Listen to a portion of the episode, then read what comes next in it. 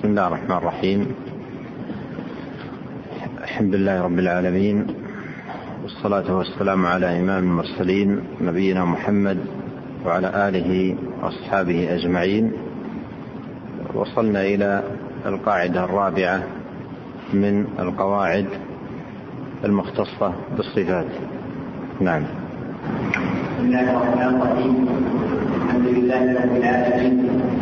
والصلاة والسلام على نبينا محمد وعلى آله وصحبه أجمعين قال المؤلف رحمه الله تعالى القاعدة الرابعة إثبات الوجودية إثبات المسلم وكماله إنما تتوسل له عن ملالتها ضرر من كمال الموصوف بها ما ضرر ولهذا كانت صفات صفة الربوبية التي أخبر الله بها عن نفسه أكثر بكثير من الصفات السلبية كما هو معلوم أما الصفات السلبية فليست غالبة إلا في الأحوال التالية الأولى بيان علوم كماله كما في قوله تعالى ليس كمثله شيء ولم يكن له كفوا أحد.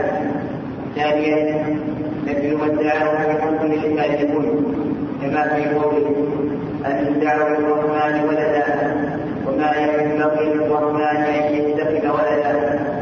الثالثة دفع التوهم بنقص من كماله.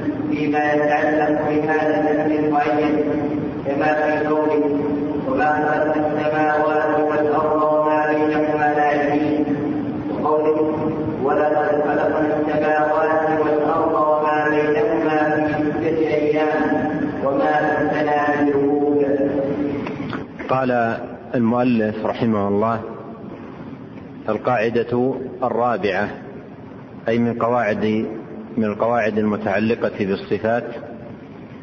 الصفات الثبوتية صفات مدح وكمال. فكلما كثرت وتنوعت دلالاتها ظهر من كمال الموصوف بها ما هو أكثر. ولهذا كانت الصفات الثبوتية التي أخبر الله بها عن نفسه أكثر بكثير من الصفات السلبية كما هو معلوم. سبق في القاعدة السابقة أن ذكر المصنف رحمه الله أن الصفات تنقسم إلى قسمين صفات ثبوتية وصفات سلبية وذكر حد كل قسم من هذين القسمين وذكر الدليل السمعي والعقلي عليهما وذكر أيضا بعض الأمور المتعلقة بهذا التقسيم. ثم بين هنا في هذه القاعدة أن الصفات الثبوتية كلها صفات مدح وكمال يمدح بها الموصوف ويثنى عليه بها. ويجمل التفصيل في عدها وذكر أفرادها. ولهذا كلما كثرت وتعددت كثر الكمال وعظم الكمال. والصفات الثبوتية كلها صفات مدح وكمال. ولهذا يحسن التفصيل بها بخلاف الصفات السلبية. فإن الأولى أن يؤتى بها مجملة. ولهذا هذه القاعدة التي يذكر الشيخ رحمه الله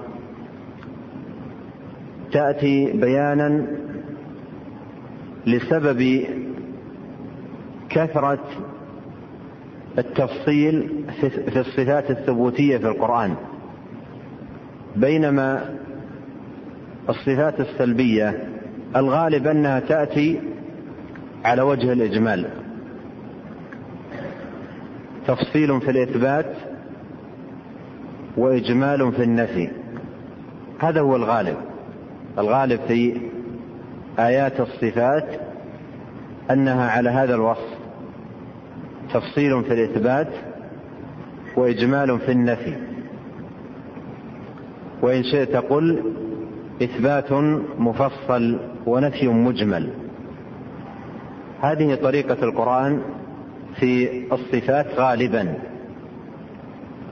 وإلا فإنه قد يأتي الإثبات وكذلك قد يأتي النفي مفصلا على خلاف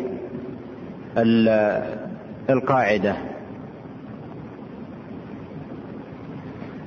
ومن أمثلة اتيان الإثبات مجملا قوله تعالى الحمد لله رب العالمين والحمد ثناء على الله عز وجل مع حبه لكمال أسمائه وعظمة صفاته لأنه يحمد على أسمائه وصفاته. ولهذا قيل في الحمد إثبات الصفات. في حمد الله إثبات صفاته وهذا الإثبات مجمل. هذا إثبات مجمل. وقد يأتي النفي مفصل بينما الغالب والأصل أن يكون النفي مجملا. لكنه قد يأتي لسبب وسيذكر الشيخ ذلك. قد يأتي مفصلا. مثل قوله تعالى وما مسنا من لغوب. نفي اللغوب هذا نفي مفصل ليس نفيا مجملا. وكذلك وما ربك بظلام للعبيد. هذا نفي مفصل. ما اتخذ الله من ولد. هذا نفي مفصل. ياتي النفي مفصل لكن الغالب على النفي اتيانه مجمل والإثبات اتيانه مفصل أن هذا أبلغ ما يكون في المدح والثناء والكمال. أبلغ ما يكون في المدح والثناء التفصيل في الإثبات والإجمال في النفي. تفصيل في الإثبات والإجمال في النفي. ولو عكست القاعدة لكان الكلام أقرب إلى الذم منه إلى المدح والثناء. لو كان تفصيل في النفي وإجمال في الإثبات لكان الكلام حينئذ أقرب إلى الذم ومقام المدح والثناء إنما يقتضي التفصيل في الإثبات والإجمال في النفي. إلا إذا وجد سبب فإنه يفصل في النفي لذلك السبب. قد قال العلماء إن التفصيل في النفي التفصيل في النفي والإجمال في الإثبات الذي عليه أهل الكلام وهو عكس طريقة القرآن هذا أشبه ما يكون وأقرب ما يكون إلى الذم مثل لو أن إنسانا أراد أن يثني على شخص كبير. أو مسؤول كبير وأراد أن يمدحه ففصل في النفي يعني فصل في نفي النقائص عنه. وأجمل في الإثبات أجمل في ذكر المدائح. كيف يكون الكلام؟ مثل لو أنه أراد أن يمدح مسؤولا أو شخصا كبيرا فأخذ يفصل في نفي النقائص. فقال في ثنائه عليه أنت لست بالوسخ ولا بالقدر ولا بالدنيء ولا بالخسيس ولا بالحقير ولا بكذا ولا فصل في النفي. وفي الإجمال وفي, وفي الإثبات أجمل. قال وفيك خير وفيك خير. كيف يكون هذا الثناء؟ هو إلى الذم والنقيصة أقرب منه إلى المدح والثناء. وهذا الذي عليه هذه الطريقة المذمومة هي التي عليها أهل الكلام في وصف الرب. يفصلون في النفي ويجملون في الإثبات. يفصلون في النفي. ولهذا بعض كتب المتكلمين تجد النفي بالصفحات. الله ليس بكذا وليس بكذا. ينفون عنه ما لا يليق به وفي الوقت نفسه ينفون عنه ما يليق به. من شدة آه، إمعانهم وإسرافهم في النفي تفصيلا. ولهذا يقولون لا فوق ولا تحت ولا داخل العالم ولا خارجه ولا متصلا به ولا منفصلا عنه ولا محايثا له ولا مباين له وليس بذي لون وليس بذي طعم وليس بذي رائحة وليس أشياء يعني مستهجنة غاية. وما كان فيها من نفي صحيح ما كان فيها من نفي صحيح يغني عنه قوله تعالى ليس كمثله شيء. وقوله تعالى هل تعلم له سميا وقوله تعالى فلا تجعلوا لله أندادا فهذا يأتي على كل نقص ويغني عن كل تفصيل وما كان فيها من نفي لمعنى حق ومعنى صحيح كنفي علوة أو نفي غير العلو من صفاته تبارك وتعالى فهذا باطل. فهذا باطل. ولا ينفى عن الله ولا ينزه الله تبارك وتعالى عما يليق به من صفات الكمال ونعوت الجلال وإنما ينزه سبحانه وتعالى عن النقائص والعيوب. إذا طريقة القرآن تفصيل في الإثبات. وإجمال في النفي. هذه طريقة القرآن. تفصيل في الإثبات وإجمال في النفي. وهذا هو الغالب الأعم. لكن قد يأتي آه الإثبات مجملا. وقد يأتي النفي مفصلا. وسيذكر الشيخ رحمه الله وجه إتيان النفي مفصلا على خلاف القاعدة.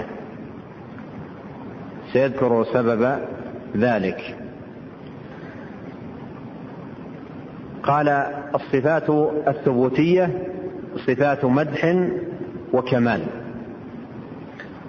الصفات الثبوتية صفات مدح وكمال. والصفات السلبية. والصفات السلبية صفات مدح وكمال أو ليست صفات مدح وكمال.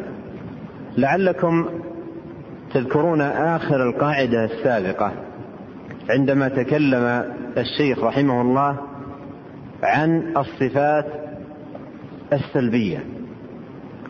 حين ذكر أن الصفات السلبية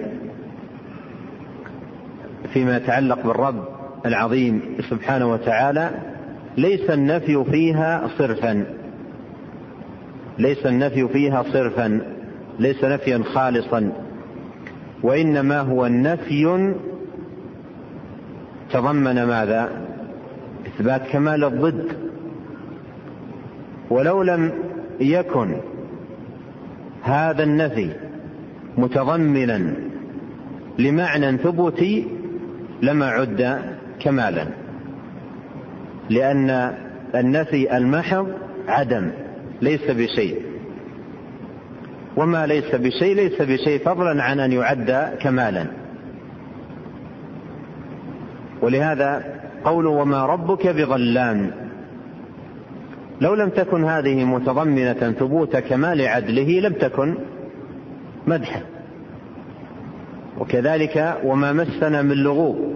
لو لم تكن متضمنة ثبوت كمال قوته لم تكن مدحا. وما الله بغافل. لو لم تكن متضمنة كمال علمه لم تكن مدحا. وهكذا. ولهذا الصفات السلبية. إنما كانت مدحا من جهة ما تضمنته من ثبوت الكمال. ما تضمنته من المعنى الثبوتي في حق الرب تبارك وتعالى. ولو لم تتضمن ذلك لم لم تكن مدحا. ولهذا قد ينفى قد ينفى عن الشيء أمر من الأمور لعدم قابليته له. وقد ينفى عنه لعجزه وضعفه وخبره فلا تكون في هاتين الحالتين مدحا. ولا يكون النفي مدحا إلا إذا تضمن معنى ثبوتيا. إلا إذا تضمن معنى ثبوتيا. ولهذا المدح والثناء في المعنى الثبوتي. المدح والثناء في المعنى الثبوتي. الذي يوصف به الموصوف. قال الصفات الثبوتية صفات مدح وكمال فكلما كثرت وتنوعت دلالاتها ظهر من كمال الموصوف بها ما هو أكثر ما هو أكثر. آه لاحظ معي مثالا على ذلك. آخر سورة الحشر. هو الله الذي لا إله إلا هو عالم الغيب والشهادة هو الرحمن الرحيم. هو الله الذي لا إله إلا هو الملك القدوس السلام المؤمن المهيمن العزيز الجبار المتكبر. سبحان الله عما يشركون. هو الله الخالق البارئ المصور له الأسماء الحسنى يسبح له ما في السماوات والأرض وهو العزيز الحكيم. هذا تفصيل في ماذا؟ في الإثبات. ذكر في هذا السياق سبعة عشر اسما من أسماء الله تبارك وتعالى وكلها متضمنة معاني ثبوتية وصفات كمال لله جل وعلا. تفصيل في الإثبات والمقام مقام مدح وثناء وتعظيم لله جل وعلا وبيان لاستحقاقه للعبادة وتفرده بذلك وأنه لا شريك له آه، فيها. فجاء تفصيل في الإثبات. وفي القرآن مثل هذا كثير. في القرآن مثل هذا كثير تفصيل في الإثبات. ولا تجد في في مقام المدح والثناء تفصيلا في النفي. إلا لسبب يأتي بعض التفصيل في النفي لأسباب معينة ولأغراض معينة ذكرها العلماء. ولهذا كلما تعددت الصفات الثبوتية كان أبلغ في المدح والكمال وكلما كان آه، آه، الإجمال في النفي كان ذلك أبلغ في المدح والثناء. خذ أيضا مثالا على ذلك. آه، قول الله تعالى ليس كمثله شيء وهو السميع البصير. هذه الآية فيها إجمال في النفي وتفصيل في الإثبات. في الإثبات ذكر السميع البصير وفي النفي أجمل ليس كمثله شيء وهو السميع البصير. قال ولهذا كانت الصفات الثبوتية التي أخبر الله بها عن نفسه أكثر بكثير من الصفات السلبية كما هو معلوم. إذا الشيخ رحمه الله أجاب بهذه القاعدة عن سبب كثرة التفصيل في الإثبات والإجمال في النفي. ما سبب ذلك؟ إحنا قلنا القاعدة في الغالب والأعم في آيات الصفات إثبات مفصل ونفي مجمل. ما سبب ذلك؟ ذكره الشيخ رحمه الله وأن الصفات الثبوتية صفات مدح وكمال وكلما تعددت وتنوعت كان ذلك أبلغ في المدح والثناء. هذه طريقة القرآن. هذه طريقة القرآن. أما المتكلمون أهل الباطل فعكسوا الطريقة. عكسوا الطريقة وكان كلامهم كما أسلفت أشبه ما يكون بالتنقص والذم وأبعد ما يكون عن المدح والثناء. قال أما الصفات السلبية فلم تذكر غالبا إلا في الأحوال التالية. لم تذكر غالبا إلا في الأحوال التالية. الأولى بيان عموم كماله. كما في قوله تعالى ليس كمثله شيء وقوله ولم يكن له كفوا أحد. قوله تعالى ليس كمثله شيء وقوله ولم يكن له كفوا أحد. هذا نفي مجمل أو نفي مفصل؟ مجمل. النفي هنا نفيا مجملا وليس نفيا مفصلا. لم يكن له كفوا أحد. هذا نفي مجمل. وقوله ليس كمثله شيء هذا نفي مجمل. كذلك قوله هل تعلم له سميا استفهام بمعنى النفي وهو نفي مجمل أي لا سمي له. نفي مجمل.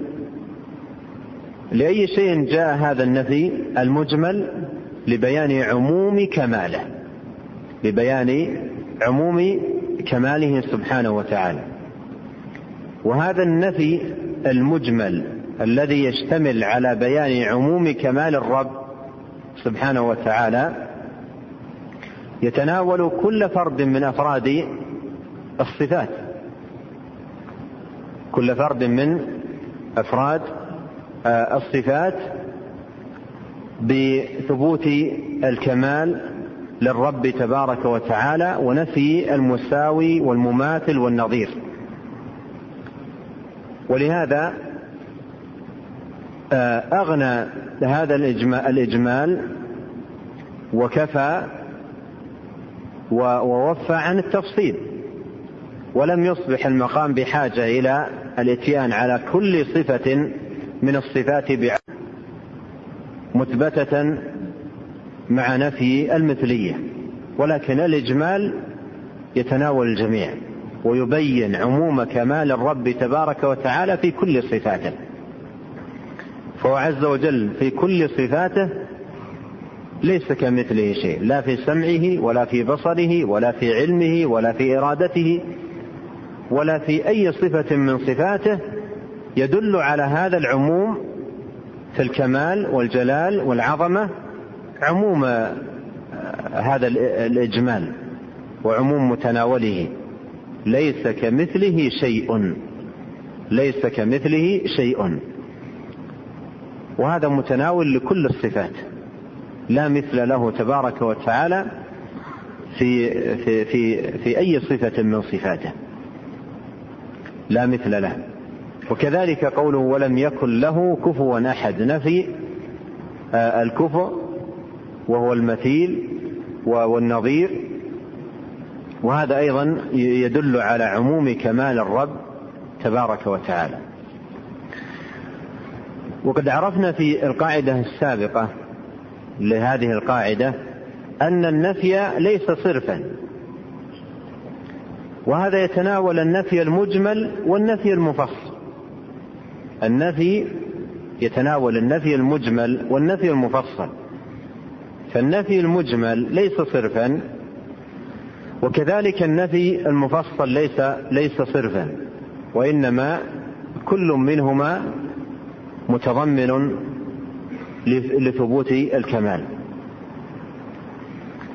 في النفي المفصل عرفنا من خلال بعض الأمثلة أن النفي فيها يتناول ثبوت كمال ضدها. وما ربك بظلام كمال العدل. وما الله بغافل كمال العلم. وما كان الله ليعجزه كمال القوة والقدرة. والعلم. وما مسنا من لغوب كمال القوة. هذا في النفي المفصل. والنفي المجمل كما في هذين المثالين ليس كمثله شيء وقوله لم يكن له كفوا أحد وكذلك قوله هل تعلم له سميا أيضا هو ليس نفيا صرفا. وإنما هو متضمن معنى ثبوتي. ما المعنى الثبوتي؟ هو ما ذكره الشيخ لبيان عموم كمالهم. هذا معنى ثبوتي. بيان عموم كمالهم. فنفى عن نفسه المثلية لبيان عموم كماله سبحانه وتعالى. إذا انتبهتم لهذا التقرير. فإن نستفيد منه فائدة عظيمة في الرد على المتكلمين. المتكلمين في نفيهم للصفات الثابتة لله على وجه التفصيل. يتكئون على ماذا؟ يتكئون على هذه الآية. ليس كمثله شيء. فينفون عنه سبحانه وتعالى صفاته على وجه التفصيل اتكاء على هذه الآية. ولهذا تراهم في كتبهم ينفون عنه اليد ينفون عنه البصر ينفون عنه القدم الاستواء ينفون عنه الصفات نفيا مفصلا ويذكرون دليل النفي نفي المثلية ليس كمثله شيء. ويقولون في تقريرهم الباطل لو أثبتنا لله هذه الصفات للزم التمثيل والله ليس كمثله شيء. يستدلون بالآية على نفي نفي الصفات ويتكئون عليها في نفي الصفات. مع أن الآية مع أن الآية دلت على ثبوت الصفات وتعددها وكمالها لا كما يقوله هؤلاء وتنبهوا لهذا. الآية دلت على ثبوت الصفات وتعددها وكمالها لأن لأن كما مر معنا قبل قليل ما معنى ما المعنى الثبوتي الذي دل عليه ليس كمثله كمثله شيء؟ ونحن عرفنا أنه ليس في النفي في الصفات ما هو نفي صرف وعرفنا فيما يتعلق بالصفات آه، آه، آه، التي نفيت. على وجه التفصيل ما الكمال الذي يثبت من نفيها؟ هنا في الإجمال ما الكمال الذي يثبت من قوله ليس كمثله شيء؟ هل هو كمال يختص بصفة واحدة معينة؟ أو أنه لا يختص بصفة ثبوتية أو أنه لا هذا ولا ولا ذاك وإنما أمر آخر وهو ماذا؟ معي أنتم؟ أمر آخر وهو ماذا؟ إثبات الصفات آه، إثبات كمال الرب تبارك وتعالى في عموم صفاته وجميعها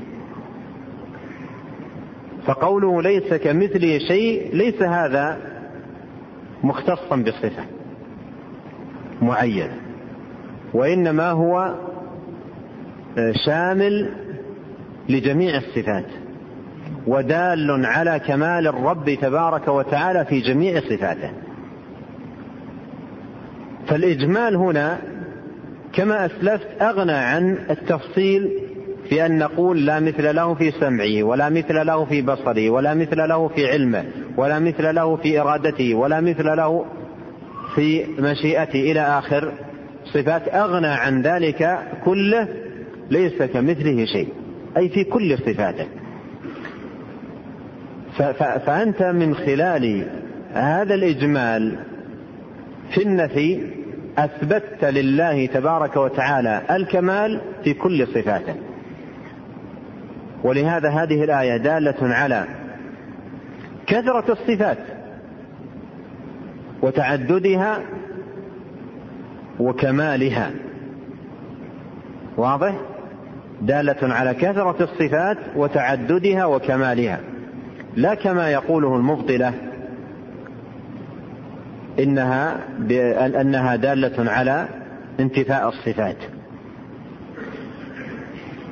وتأمل الآية. بعد أن نفى سبحانه وتعالى عن نفيه عن نفسه المثلية أثبت ماذا؟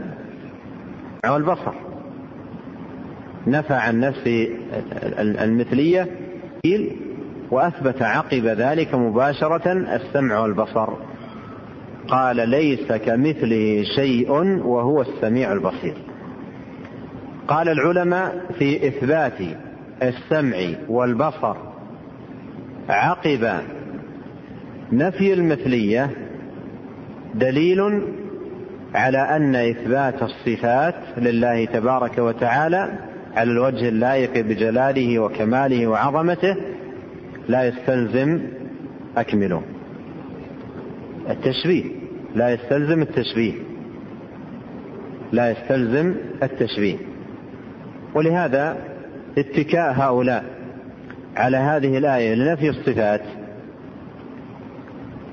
اتكاء هؤلاء على هذه الآية في في نفي الصفات باطل واستدلال بها على خلاف ما تدل عليه ونقيض مقصودها. والآية كما هو واضح وظاهر وبين تدل على كثرة صفات الرب. تبارك وتعالى وعلى كماله وعظمته. وهي جاءت في سورة الشورى في بيان استحقاق الرب للعبادة وأنه تبارك وتعالى وحده الذي يستحق أن يفرد بالعبادة. وذكر في السورة من دلائل استحقاقه تبارك وتعالى لأن يفرد بالعبادة آه، دلائل كثيرة. ذكر دلائل كثيرة. من ضمن هذه الدلائل قوله تعالى ليس كمثله شيء. وهو السميع البصير. لبيان أنه سبحانه وتعالى الكامل في صفاته. الكامل في صفاته. الذي ليس في صفاته نقص. بل هي صفات كاملة. لا نقص فيها بوجه من الوجوه. هذا الذي يستحق العبادة. فجاء المعطلة الذين لم يكن لهم من العبادة حظ بل ليس لتوحيد العبادة في كتبهم ذكر أتوا إلى هذه الآية وجعلوها دالة على نفي نفي الصفات. ومن ليس له صفة عدم والعدم لا يتجه إليه ولا يقصد. لا بعبادة ولا بذل ولا بخضوع. ولا يمكن أصلا أن يتجه إليه. يلتجأ إلى من؟ إلى ماذا؟ إلى أي اتجاه؟ ولهذا قال أهل العلم المعطل يعبد عدما. المعطل يعبد عدما. وبعض الجهمية الذين يقولون بالنفي المفصل في بعض أحوالهم في بعض أحوالهم عندما يريد تعبدا وتذللا يقول عن الله إنه في كل مكان وما يقال عنه إنه في كل مكان له وجود له وجود. ويتجه إليه. ولهذا في في النفي آه، في في في حال التعبد يقولون الله في كل مكان. وفي حال البحث والنظر يقولون لا فوق ولا تحت ولا داخل العالم ولا خ... هذا يفعله بعضهم. ولهذا قال شيخ الإسلام قيل لبعض ما ما هذا؟ التناقض. قال ذاك مقتضى نظري وهذا مقتضى ذوقي ووجهي. يعني إذا أردت النظر فمقام النظر يقتضي هذا وإذا أردت العبادة والتذلل فمقام العبادة يقتضي هذا. وكلا المقتضيين ضلال. لا مقتضى نظرهم الفاسد ولا أيضا تعبدهم الضال المنحرف. ولا ولا يستقيم الحق إلا لمن نهج نهج أهل السنة والجماعة في فهم صفات الرب تبارك وتعالى على الوجه اللائق بجلاله وكماله وعظمته سبحانه. الشاهد أن قوله تعالى ليس كمثله شيء ومثله قوله تعالى آه، ولم يكن له كفوا أحد هذا يدل على ثبوت صفات الكمال لله جل وعلا وهو يدل على بيان عموم كمال الرب جل وعلا في كل صفاته وهو يتضمن معنى ثبوتيا متناولا لكل صفة وليس مختصا بصفة دون صفة. اذا هذا غرض آه، من من أغراض مجيء النفي في القرآن الكريم وهو يتناول النفي المجمل. قال الثانية نفي ما ادعاه في حقه الكاذبون. نفي ما ادعاه في حقه الكاذبون كما في قوله أن دعوا للرحمن ولدا وما ينبغي للرحمن أن يتخذ ولدا. هنا لاحظ أن هذه الآية جاء فيها نفي مفصل. جاء فيها نفي مفصل ألا وهو نفي الولد عن الله. نفي الولد عن الله. هل هذا النفي للولد عن الله تبارك وتعالى جاء ابتداء للثناء على الله جل وعلا به؟ هل هل هذا غرض مجيئه جاء ابتداء للثناء على الله به؟ أم أنه جاء ردا؟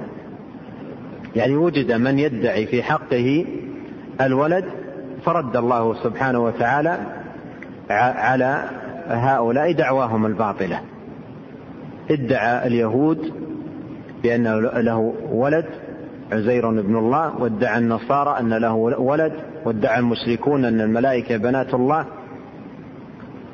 فلما وجدت هذه الدعوة جاء النفي في هذه الآية وفي قوله تبارك وتعالى لم يلد ولم يولد وفي آيات أخرى. إذا مجيء هذا النفي المفصل له غرض وهو ماذا؟ نفي ما ادعاه الكاذبون المبطلون.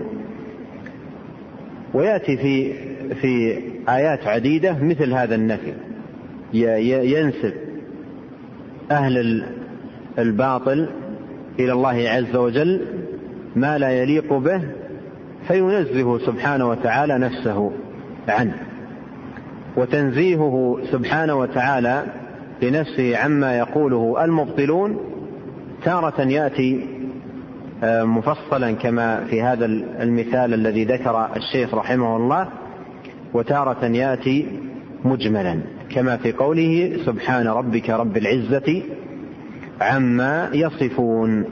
وسلام على المرسلين والحمد لله رب العالمين. نزه نفسه عن كل ما يقوله المبطلون من تنقص للرب ووصف له سبحانه وتعالى بما لا يليق به ومن تشبيه له سبحانه وتعالى بمخلوقاته. قال الثالثة أي الحالة الثالثة دفع توهم نقص من كماله فيما يتعلق بهذا الأمر المعين كما في قوله تعالى وما نعم. وما خلقنا السماوات والأرض وما بينهما لاعبين. وما خلقنا السماوات والأرض وما بينهما لاعبين. السماء وما خلقنا السماء والأرض وما بينهما لاعبين. وممكن تراجعون لنا المصحف؟ المصحف أحسن. السماء. طيب. وما خلقنا السماء والأرض وما بينهما لاعبين.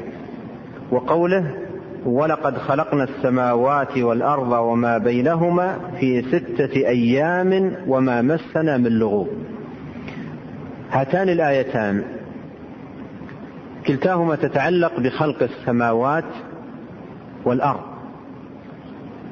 كلتاهما السماوات والأرض وما بينهما لاعبين؟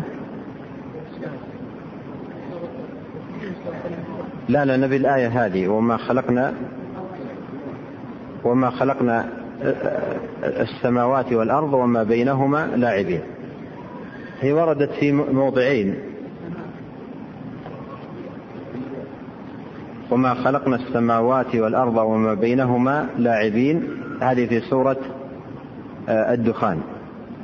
على كل حال الطبعة اللي معنا الآن الطبعة اللي معنا هذه الطبعة القديمة الطبعة القديمة.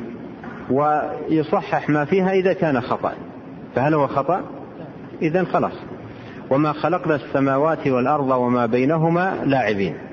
وما خلقنا السماوات والأرض وما بينهما لاعبين. هذه الآية كذلك الآية التي تليها. وكذلك الآية التي تليها. فيهما نفي يتعلق بأمر معين ألا وهو خلق السماوات والأرض. يتعلق بأمر معين ألا وهو خلق السماوات والأرض.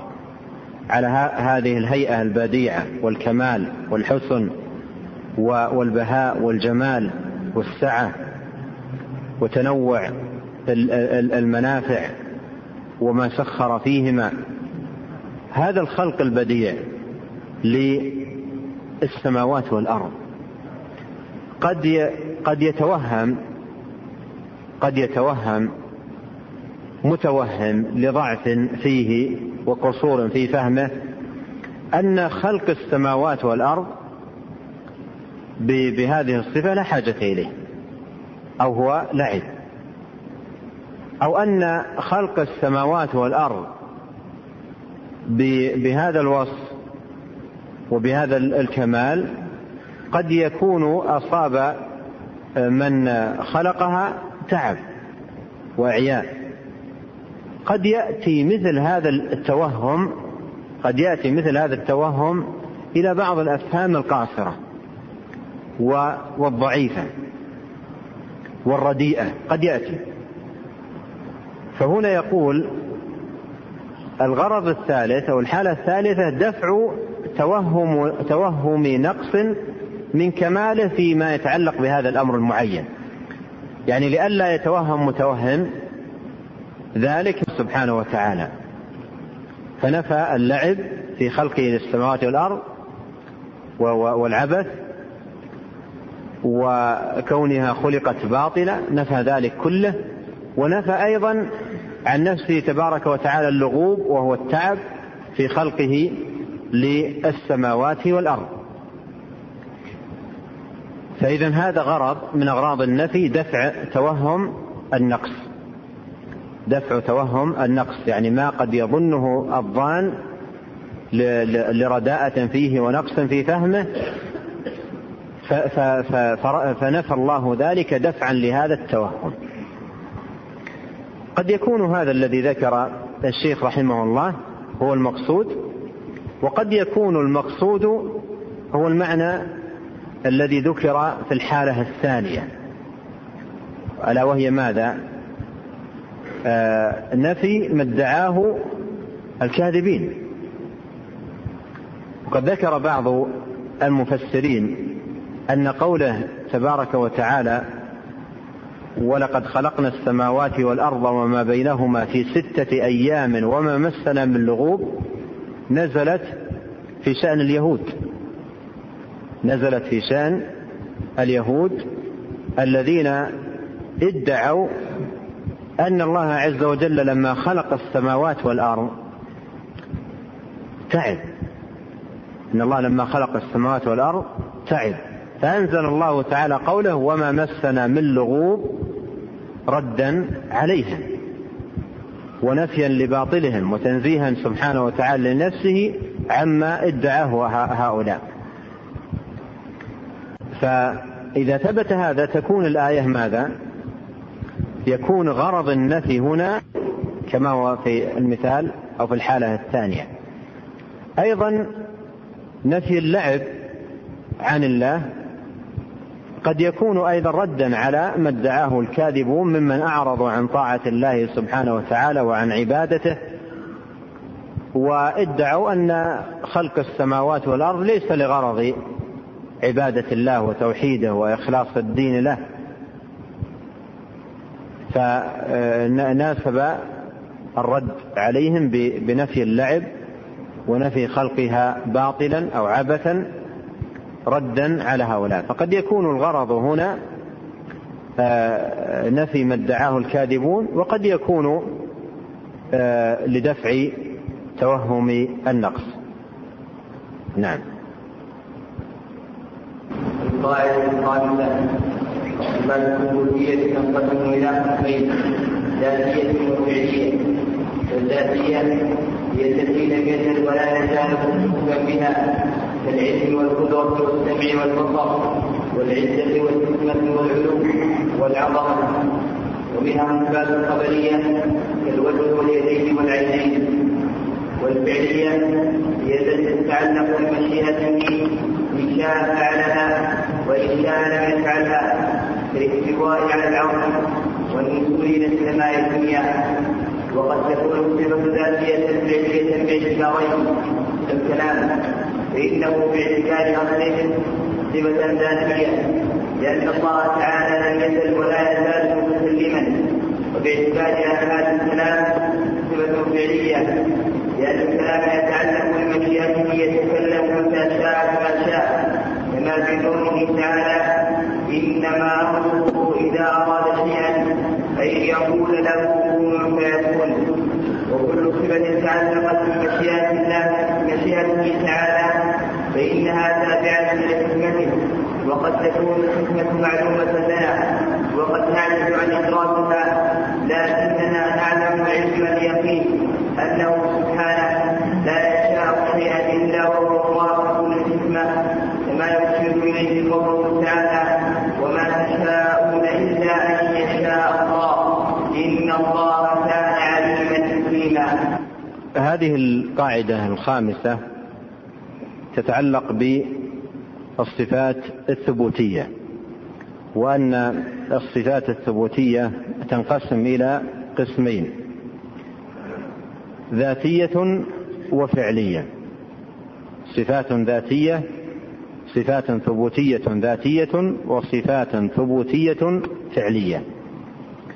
وقد عرف أو بين الشيخ رحمه الله حد كل قسم من هذين القسمين.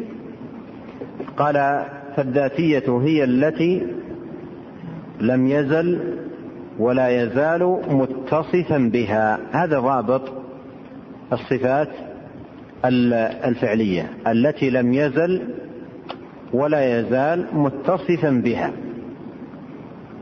يعني متصف بها في الأزل وفيما لم يزل. متصف فيها في الأزل وفي لم وفيما لم يزل. فهي صفات آه، لا تنفك عن الذات ولا تعلق لها بالمشيئة. ولا تعلق لها بالمشيئة. وإنما هي صفات آه، ملازمة للذات لا تنفك عن الذات لا تعلق لها بالمشيئة. متصف بها الرب تبارك وتعالى في الأزل وفيما لم يزل. وذكر أمثلة. قال كالعلم والقدرة والسمع والبصر والعزة والحكمة والعلو والعظمة. قال ومنها الصفات الخبرية كالوجه واليدين والعينين.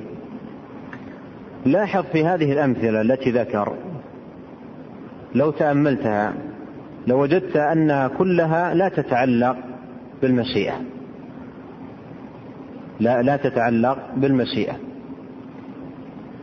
وإنما هي صفات آه، آه، متصف بها الرب تبارك وتعالى لا تنفك عن ذاته لم يزل ولا يزال متصفا بها سبحانه ولا تعلق له لها بمشيئته. هل لليدان تعلق بالمشيئة؟ السمع البصر العلو؟ العلم هذه كلها صفات ذاتية ذاتية لا تعلق لها بالمشيئة. بينما الفعلية مثل الخلق إن شاء خلق وإن شاء لم يخلق الاستواء النزول هذه الصفات تتعلق بالمشيئة. أما الذاتية فهي التي لم يزل ولا يزال الرب سبحانه وتعالى متصفا بها. ذكر عليها هذه الأمثلة ثم قال ومنها الصفات الخبرية ومنها الصفات الخبرية. وهنا يشير الشيخ إلى أن الصفات الذاتية منها صفات خبرية ومنها صفات عقلية ومنها صفات عقلية. العقلية جميع الأمثلة المتقدمة على قوله ومنها الصفات الخبرية صفات عقلية. العلم والقدرة والسمع والبصر والعزة والحكمة والعلو والعظمة. والمراد بوصفها بهذه الصفة عقلية أي أنها كما قد دل عليها السمع فإن العقل كذلك يدل عليها. فإن العقل يدل عليها. ويستدل عليها بالعقل كما أنه يستدل عليها بالسمع ولهذا يقال في حق الصفات نوع من الصفات دل عليه الكتاب والسنة والإجماع والعقل. العقل يدل على العلو ويدل على العلم علم علم الله تبارك وتعالى. ويدل على آه، نعم حكمته عظمته عزته بصره كل هذه صفات يدل عليها العقل كما أنه قد دل عليها السمع. بينما الصفات الخبرية مثل الوجه واليدين والعينين والقدم ونحو هذه الصفات فيقال عنها صفات خبرية لأنه لو لم يأتي الخبر لو لم يأتي الخبر لما إيش؟ لما دل عليها عقل ولا سبيل إلى معرفتها بعقل الوجه واليدين. وهكذا أيضا في الصفات الفعلية الاستواء النزول المجيء لفصل القضاء. هذه صفات خبرية يعني لم تعرف إلا أو لا سبيل إلى معرفتها إلا من جهة الخبر. بينما الخلق صفة فعلية. هل لا سبيل إلى معرفتها إلا من جهة الخبر؟ أو أن وجود المخلوقات يدل على وجود خالق لها ومبدع. كما قيل لأعرابي كيف؟ بما عرفت ربك. بما عرفت ربك. قال البعرة تدل على البعير والخطوة تدل على المسير. فالسماء ذات أبراج وأرض ذات فجاج وبحار ذات أمواج. ألا يدل ذلك على اللطيف الخبير. فالخلق صفة فعلية لكن يدل عليها العقل كما أن السمع يدل عليها. لكن من الصفات الخبرية من من الصفات الفعلية ومن الصفات الذاتية ما لا يدل عليه إلا الخبر ولهذا ميز عن غيره بهذا الإيش؟ بهذا الوصف. صفات خبرية بمعنى أنه لا سبيل إلى معرفتها إلا من خلال الخبر. قال والفعلية هي التي تتعلق بمشيئته إن شاء فعلها وإن شاء لم يفعلها كالاستواء على العرش والنزول إلى سماء الدنيا. قال وقد تكون الصفة ذاتية فعلية باعتبارين كالكلام. الكلام صفة ذاتية باعتبار أن الله سبحانه وتعالى لم يزل ولا يزال متصفا بالكلام. وفعلية باعتبار آحاد الكلام يتكلم بما شاء متى شاء. تكلم بالتوراة ثم تكلم بالإنجيل ثم تكلم بالقرآن. فإذا باعتبار آحاد الكلام هي صفة فعلية. وباعتبار أصل الكلام وجنسه فهي صفة ذاتية لأن الله عز وجل لم يزل ولا يزال متكلما. قال فإنه باعتبار أصله صفة ذاتية لأن الله تعالى لم يزل ولا يزال متكلما وباعتبار آحاد الكلام صفة فعلية لأن الكلام يتعلق بمشيئته يتكلم متى شاء بما شاء كما في قوله إنما أمره إذا أراد شيئا أن يقول له كن فيكون ثم قال الشيخ وكل صفة تعلقت بمشيئته تعالى فإنها تابعة لحكمته. هذه فائدة مهمة تتعلق بالصفات الفعلية المتعلقة بالمشيئة. فجميع الصفات الفعلية صادرة عن حكمة ليس فيها ما هو صادر عن غير حكمة بل كلها عن حكمة. والله عز وجل يفعل لحكمة. وقد ندرك بعض الحكم وقد لا ندرك. لكن يجب أن نؤمن أن كل أفعاله تبارك وتعالى صادرة عن عن حكمة. فهذه فائدة ختم بها القاعدة تتعلق بالصفات الفعلية. قال وكل صفة تعلقت بمشيئته تعالى فإنها تابعة لحكمته. وقد تكون الحكمة معلومة لنا وقد نعجز عن إدراكها. لكننا نعلم علم اليقين أنه سبحانه لا يشاء شيئا إلا وهو موافق للحكمة. كما يشير إليه قوله تعالى وما تشاءون إلا أن يشاء الله إن الله كان عليما حكيما الشاهد إلا أن يشاء الله لما ذكر سبحانه وتعالى مشيئته أعقب ذلك بذكر علمه وحكمته إن الله كان عليما حكيما وفي هذا أن ما يشاءه سبحانه وتعالى كله عن علم وحكمة. نعم. القاعدة السادسة يلزم في إثبات الصفات التقليات بدورين عظيمين أحدهما التمثيل والثاني التكليف فأما التكبير فهو اعتقاد المثبت أن ما أثبته من صفات الله تعالى مماثل لصفات المخلوقين. وهذا اعتقاد وهذا اعتقاد باطل بدليل السمع والعقل. أما السمع فمنه قوله تعالى ليس كمثله شيء وقوله أفمن يخلق كمن لا يخلق؟ أفلا تذكرون? وقوله هل تعلم له سميا وقوله ولم يكن له كفوا أحد. قال رحمه الله القاعدة السادسة.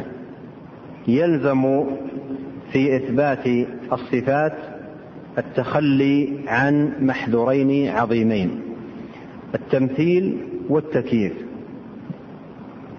قال هنا يلزم في إثبات الصفات أي يلزم من يثبت الصفات لله تبارك وتعالى أن يحذر من هذين الأمرين التكييف والتمثيل. ولم يذكر هنا التعطيل لأن المعطل لم يثبت وإنما نفى وكذلك المحرف لم يثبت وإنما نفى. فذكر هنا نفي أو الاحتراز من التمثيل والتكييف لأنهما يتعلقان بمن أثبت من أثبت الصفات. بينما فيما يتعلق بالصفات عموما المحاذير التي تجتنب فيها أربعة التعطيل والتحريف والتكييف والتمثيل.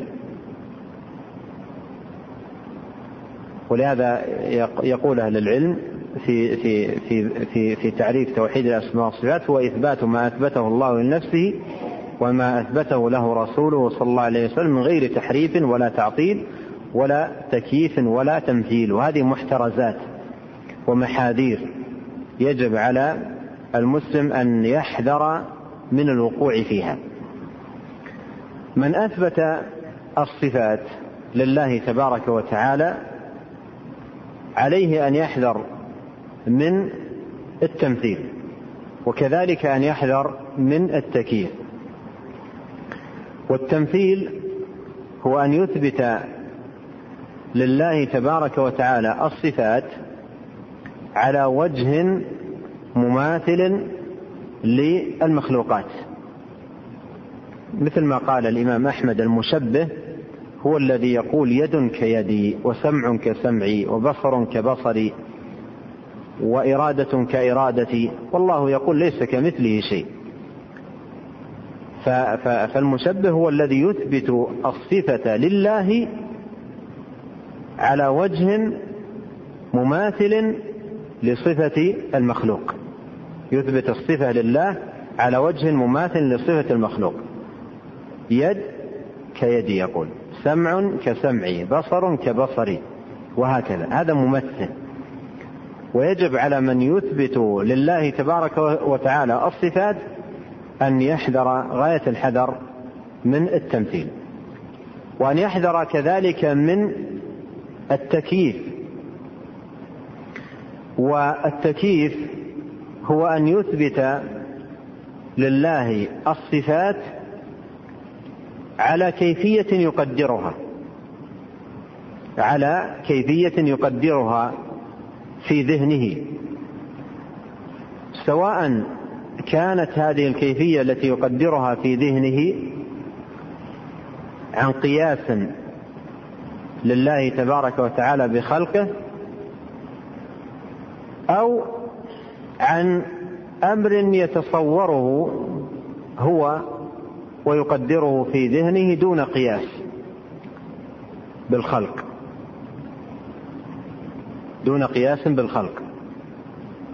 ولهذا المكيف المكيف الذي يجعل لصفة الله كيفية معينة تارة يكون ممثلا وتارة يكون مكيفا بلا تمثيل. تارة يكون ممثلا وتارة يكون مكيفا بلا تمثيل. كيف؟ إن إن إن جعل الكيفية التي لصفة الله ككيفية صفة المخلوق فإنه في هذه الحال مكيف ممثل. اجتمع فيه تكييف وتمثيل. وإن كان قد جعل صفة الله تبارك وتعالى في كيفية اخترعها في ذهنه هو ولم يقسها على ما يراه في المخلوقات وإنما تصور كيفية معينة وجعلها هي صفة الله. يعني صفة الله هي الكيفية التي تصورها هو. فهو في هذه الحالة ماذا؟ مكيف وليس ممثل لأنه لم لم لم يمثل الله تبارك وتعالى بمخلوق معين. ولأجل هذا قال العلماء كل ممثل مكيف. وليس كل مكيف ممثلا. كل ممثل مكيف. لماذا؟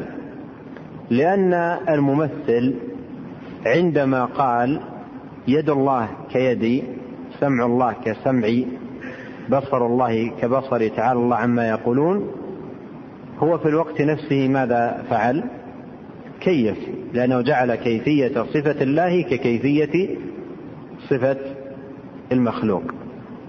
ولهذا كل ممثل مكيف الممثل في كل أحواله مكيف. وليس كل مكيف ممثلا. لماذا ليس كل مكيف ممثلا؟ لأن المكيف في بعض أحواله لأن المكيف في بعض أحواله يأتي بكيفية يقدرها في ذهنه لا عن قياس بالمخلوق. يأتي بكيفية يقدرها في ذهنه لا عن قياس بالمخلوق وحينئذ قال أهل العلم كل ممثل مكيفا كل ممثل مكيف وليس كل مكيف ممثلا.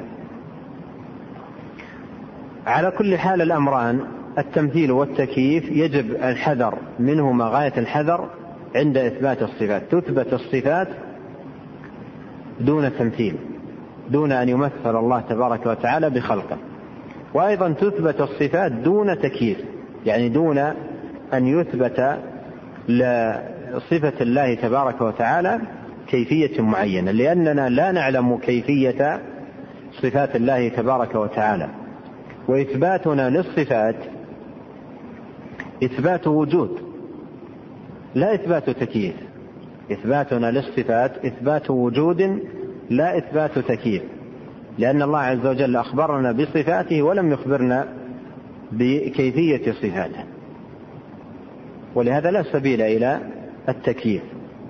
ولهذا أيضا قال العلماء في الصفات أمروها كما جاءت بلا كيف أي بلا تكييف. فالتكييف باطل كالتمثيل.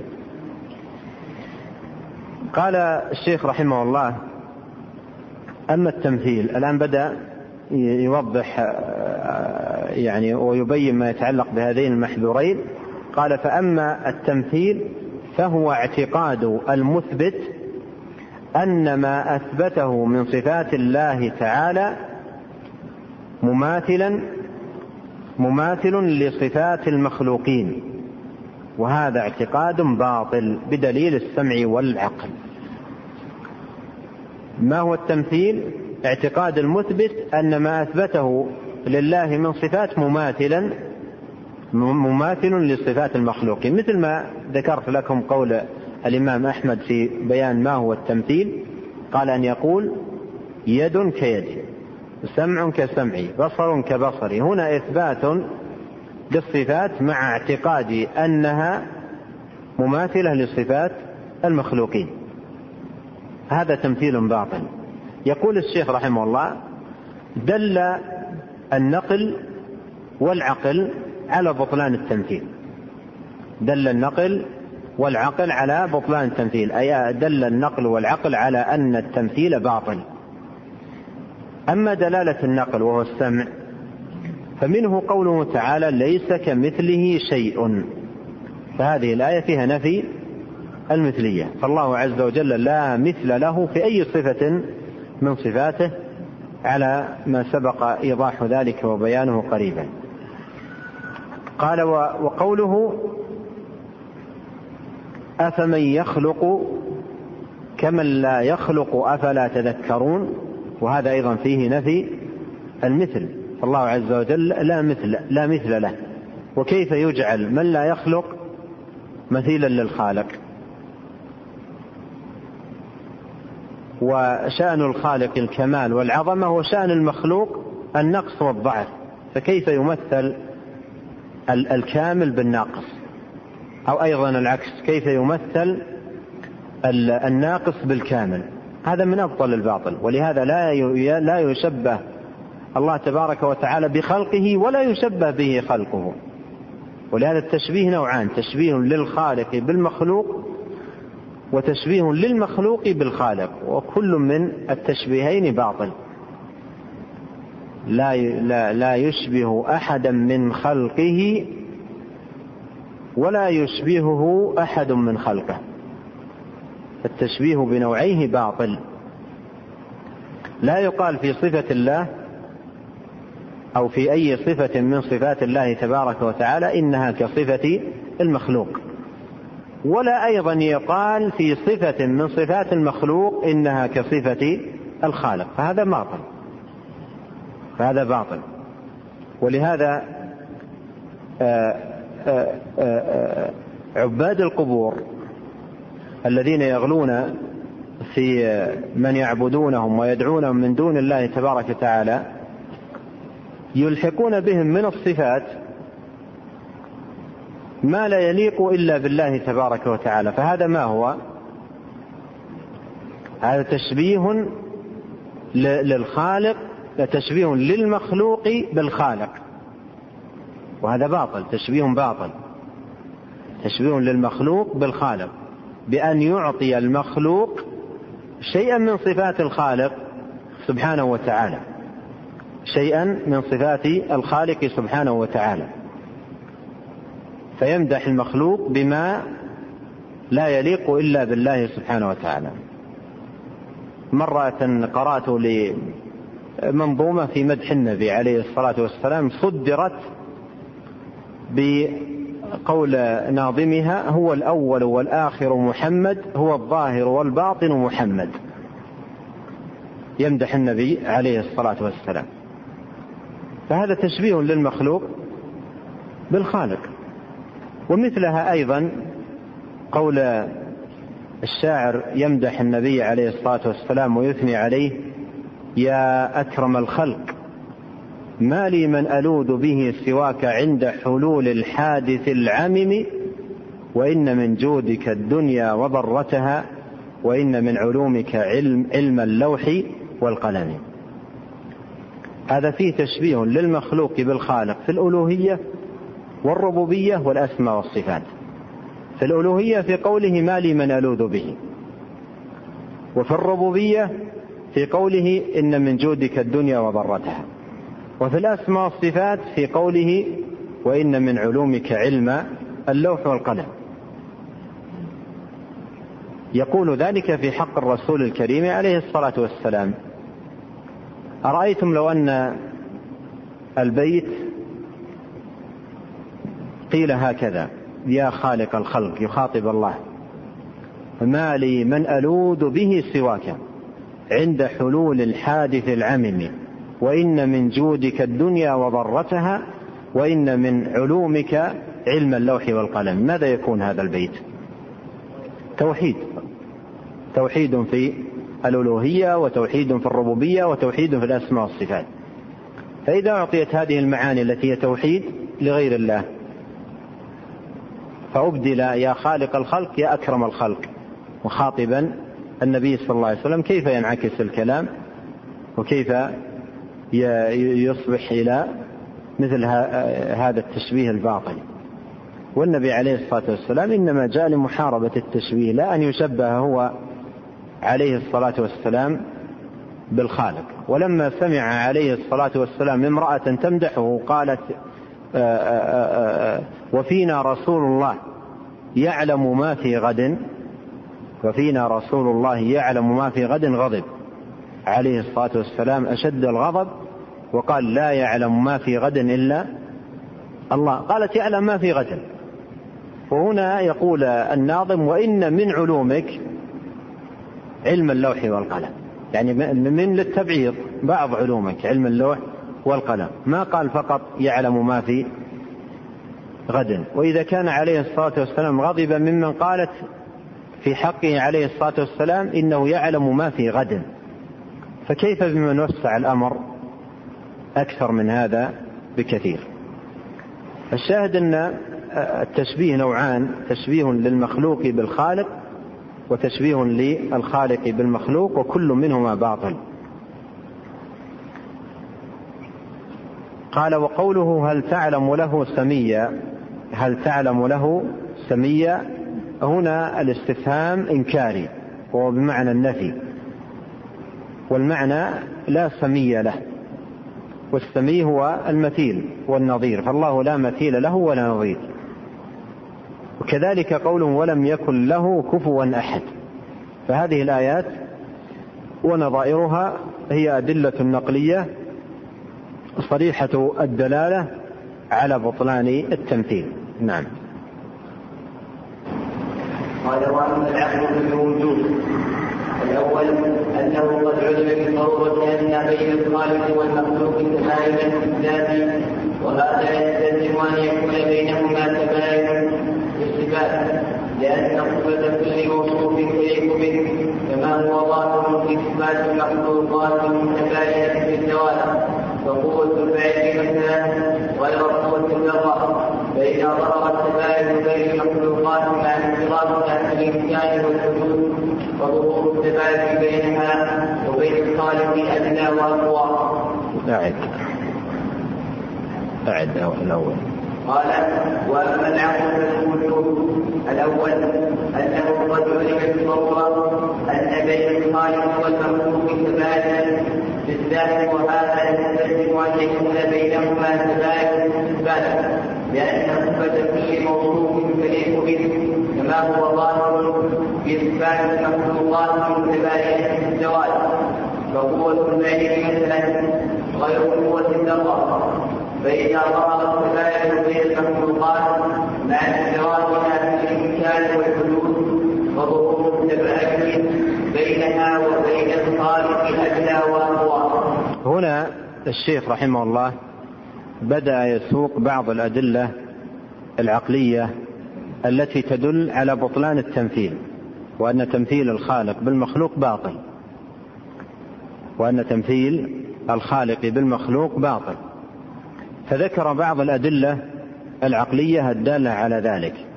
من بين هذه الأدلة ما ذكره رحمه الله من أن العقل يدل على أن كل آه، موصوف صفاته تليق به. أن كل موصوف صفاته تليق به. والصفة تتبع الموصوف.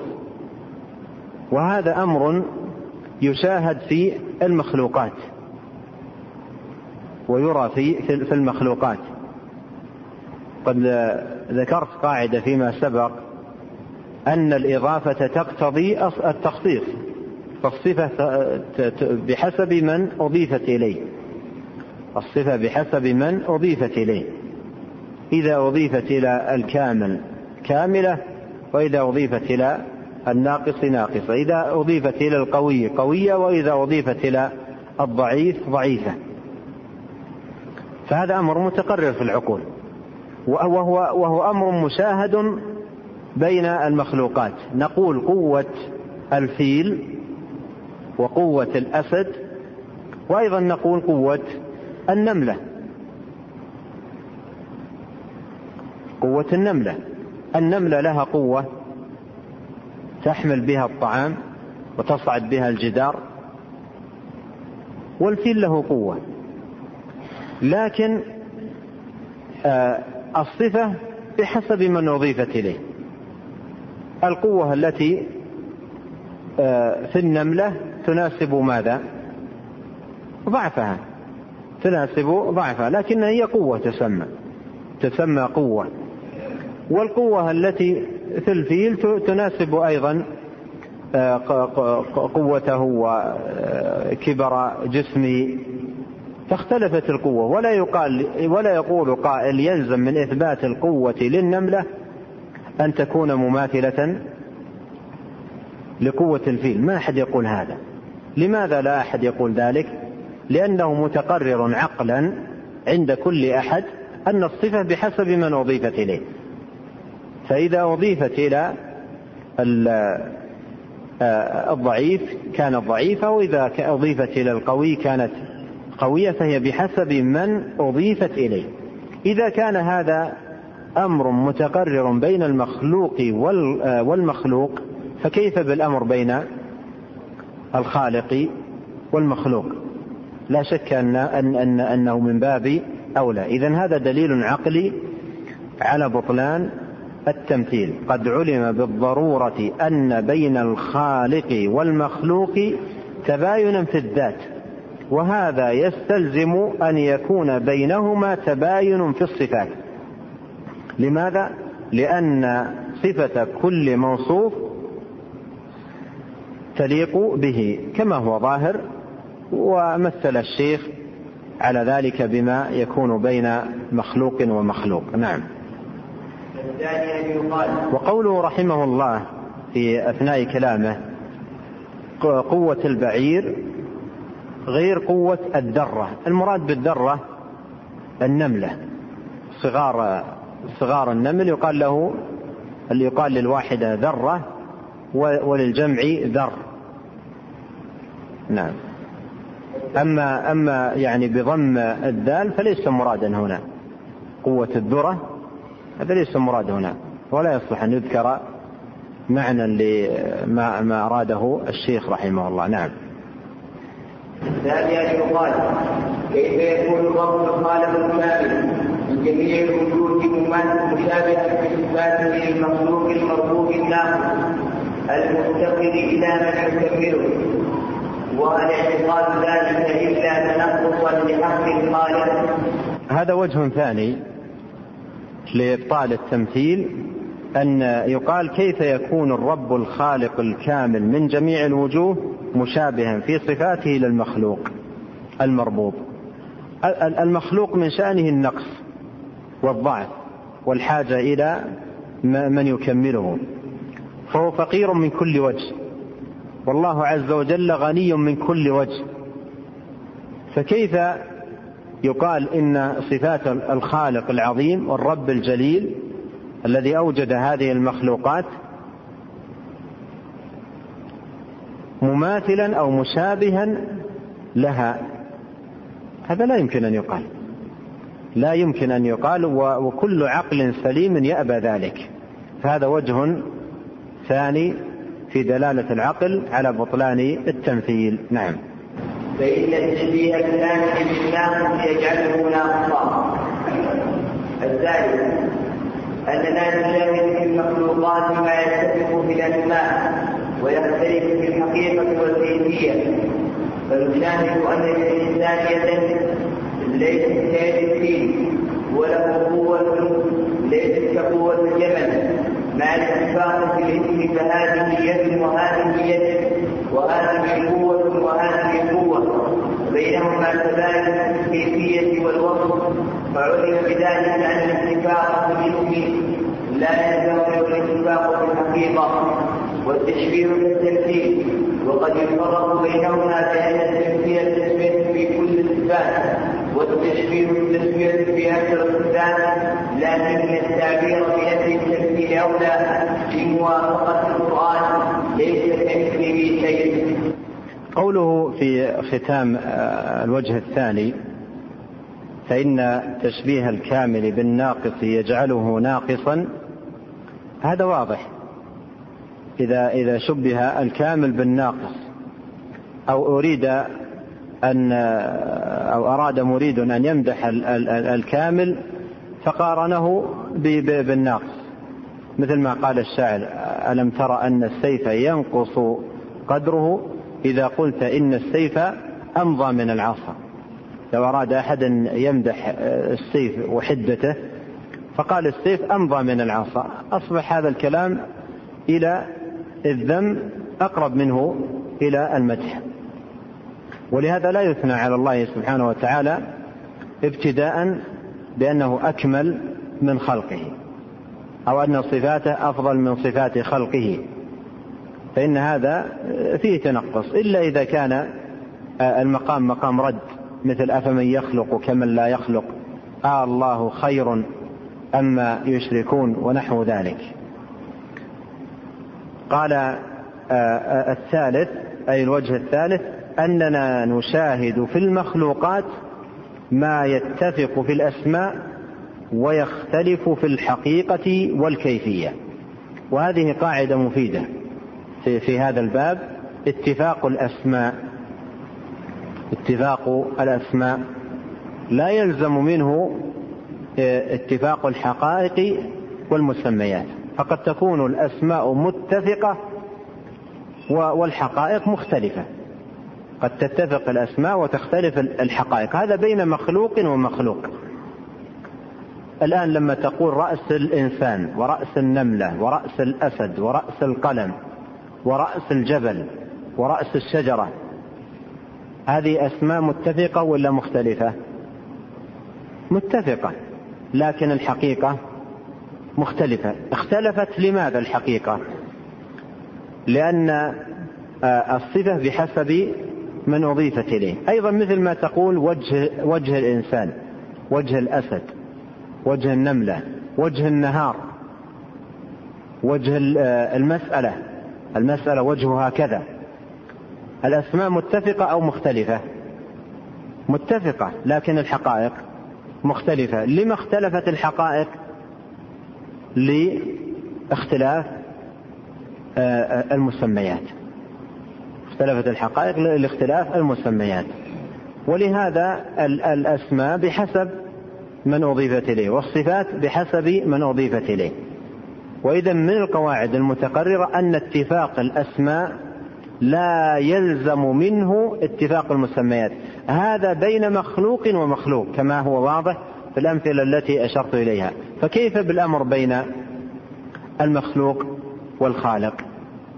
لو قال لكم قائل يلزم من اتفاق آه، آه، الأسماء بين المخلوق والخالق التماثل. كيف تردون عليه عقلا على ضوء هذه القاعدة أو على ضوء هذا الوجه؟ يقال له هذا الذي تقوله لم يلزم بين مخلوق ومخلوق. فكيف يكون لازما بين خالق ومخلوق؟ هذا لم يلزم بين مخلوق ومخلوق.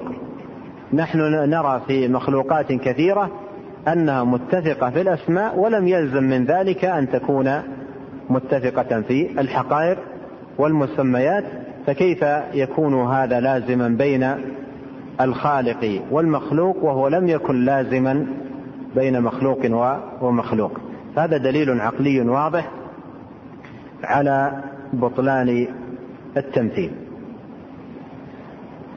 قال أننا نشاهد في المخلوقات ما يتفق في الأسماء ويختلف في الحقيقة والكيفية فنشاهد أن للإنسان يدا ليست كيد الفيل وله قوة ليست كقوة الجمل مع الاتفاق في الاسم فهذه يد وهذه يد وهذه قوة وهذه قوة وبينهما تباين في الكيفية والوصف فعلم بذلك أن الاتفاق في الاسم لا يلزم منه الاتفاق في الحقيقة. وهذا واضح كما هو في الأمثلة التي أشار إليها الشيخ.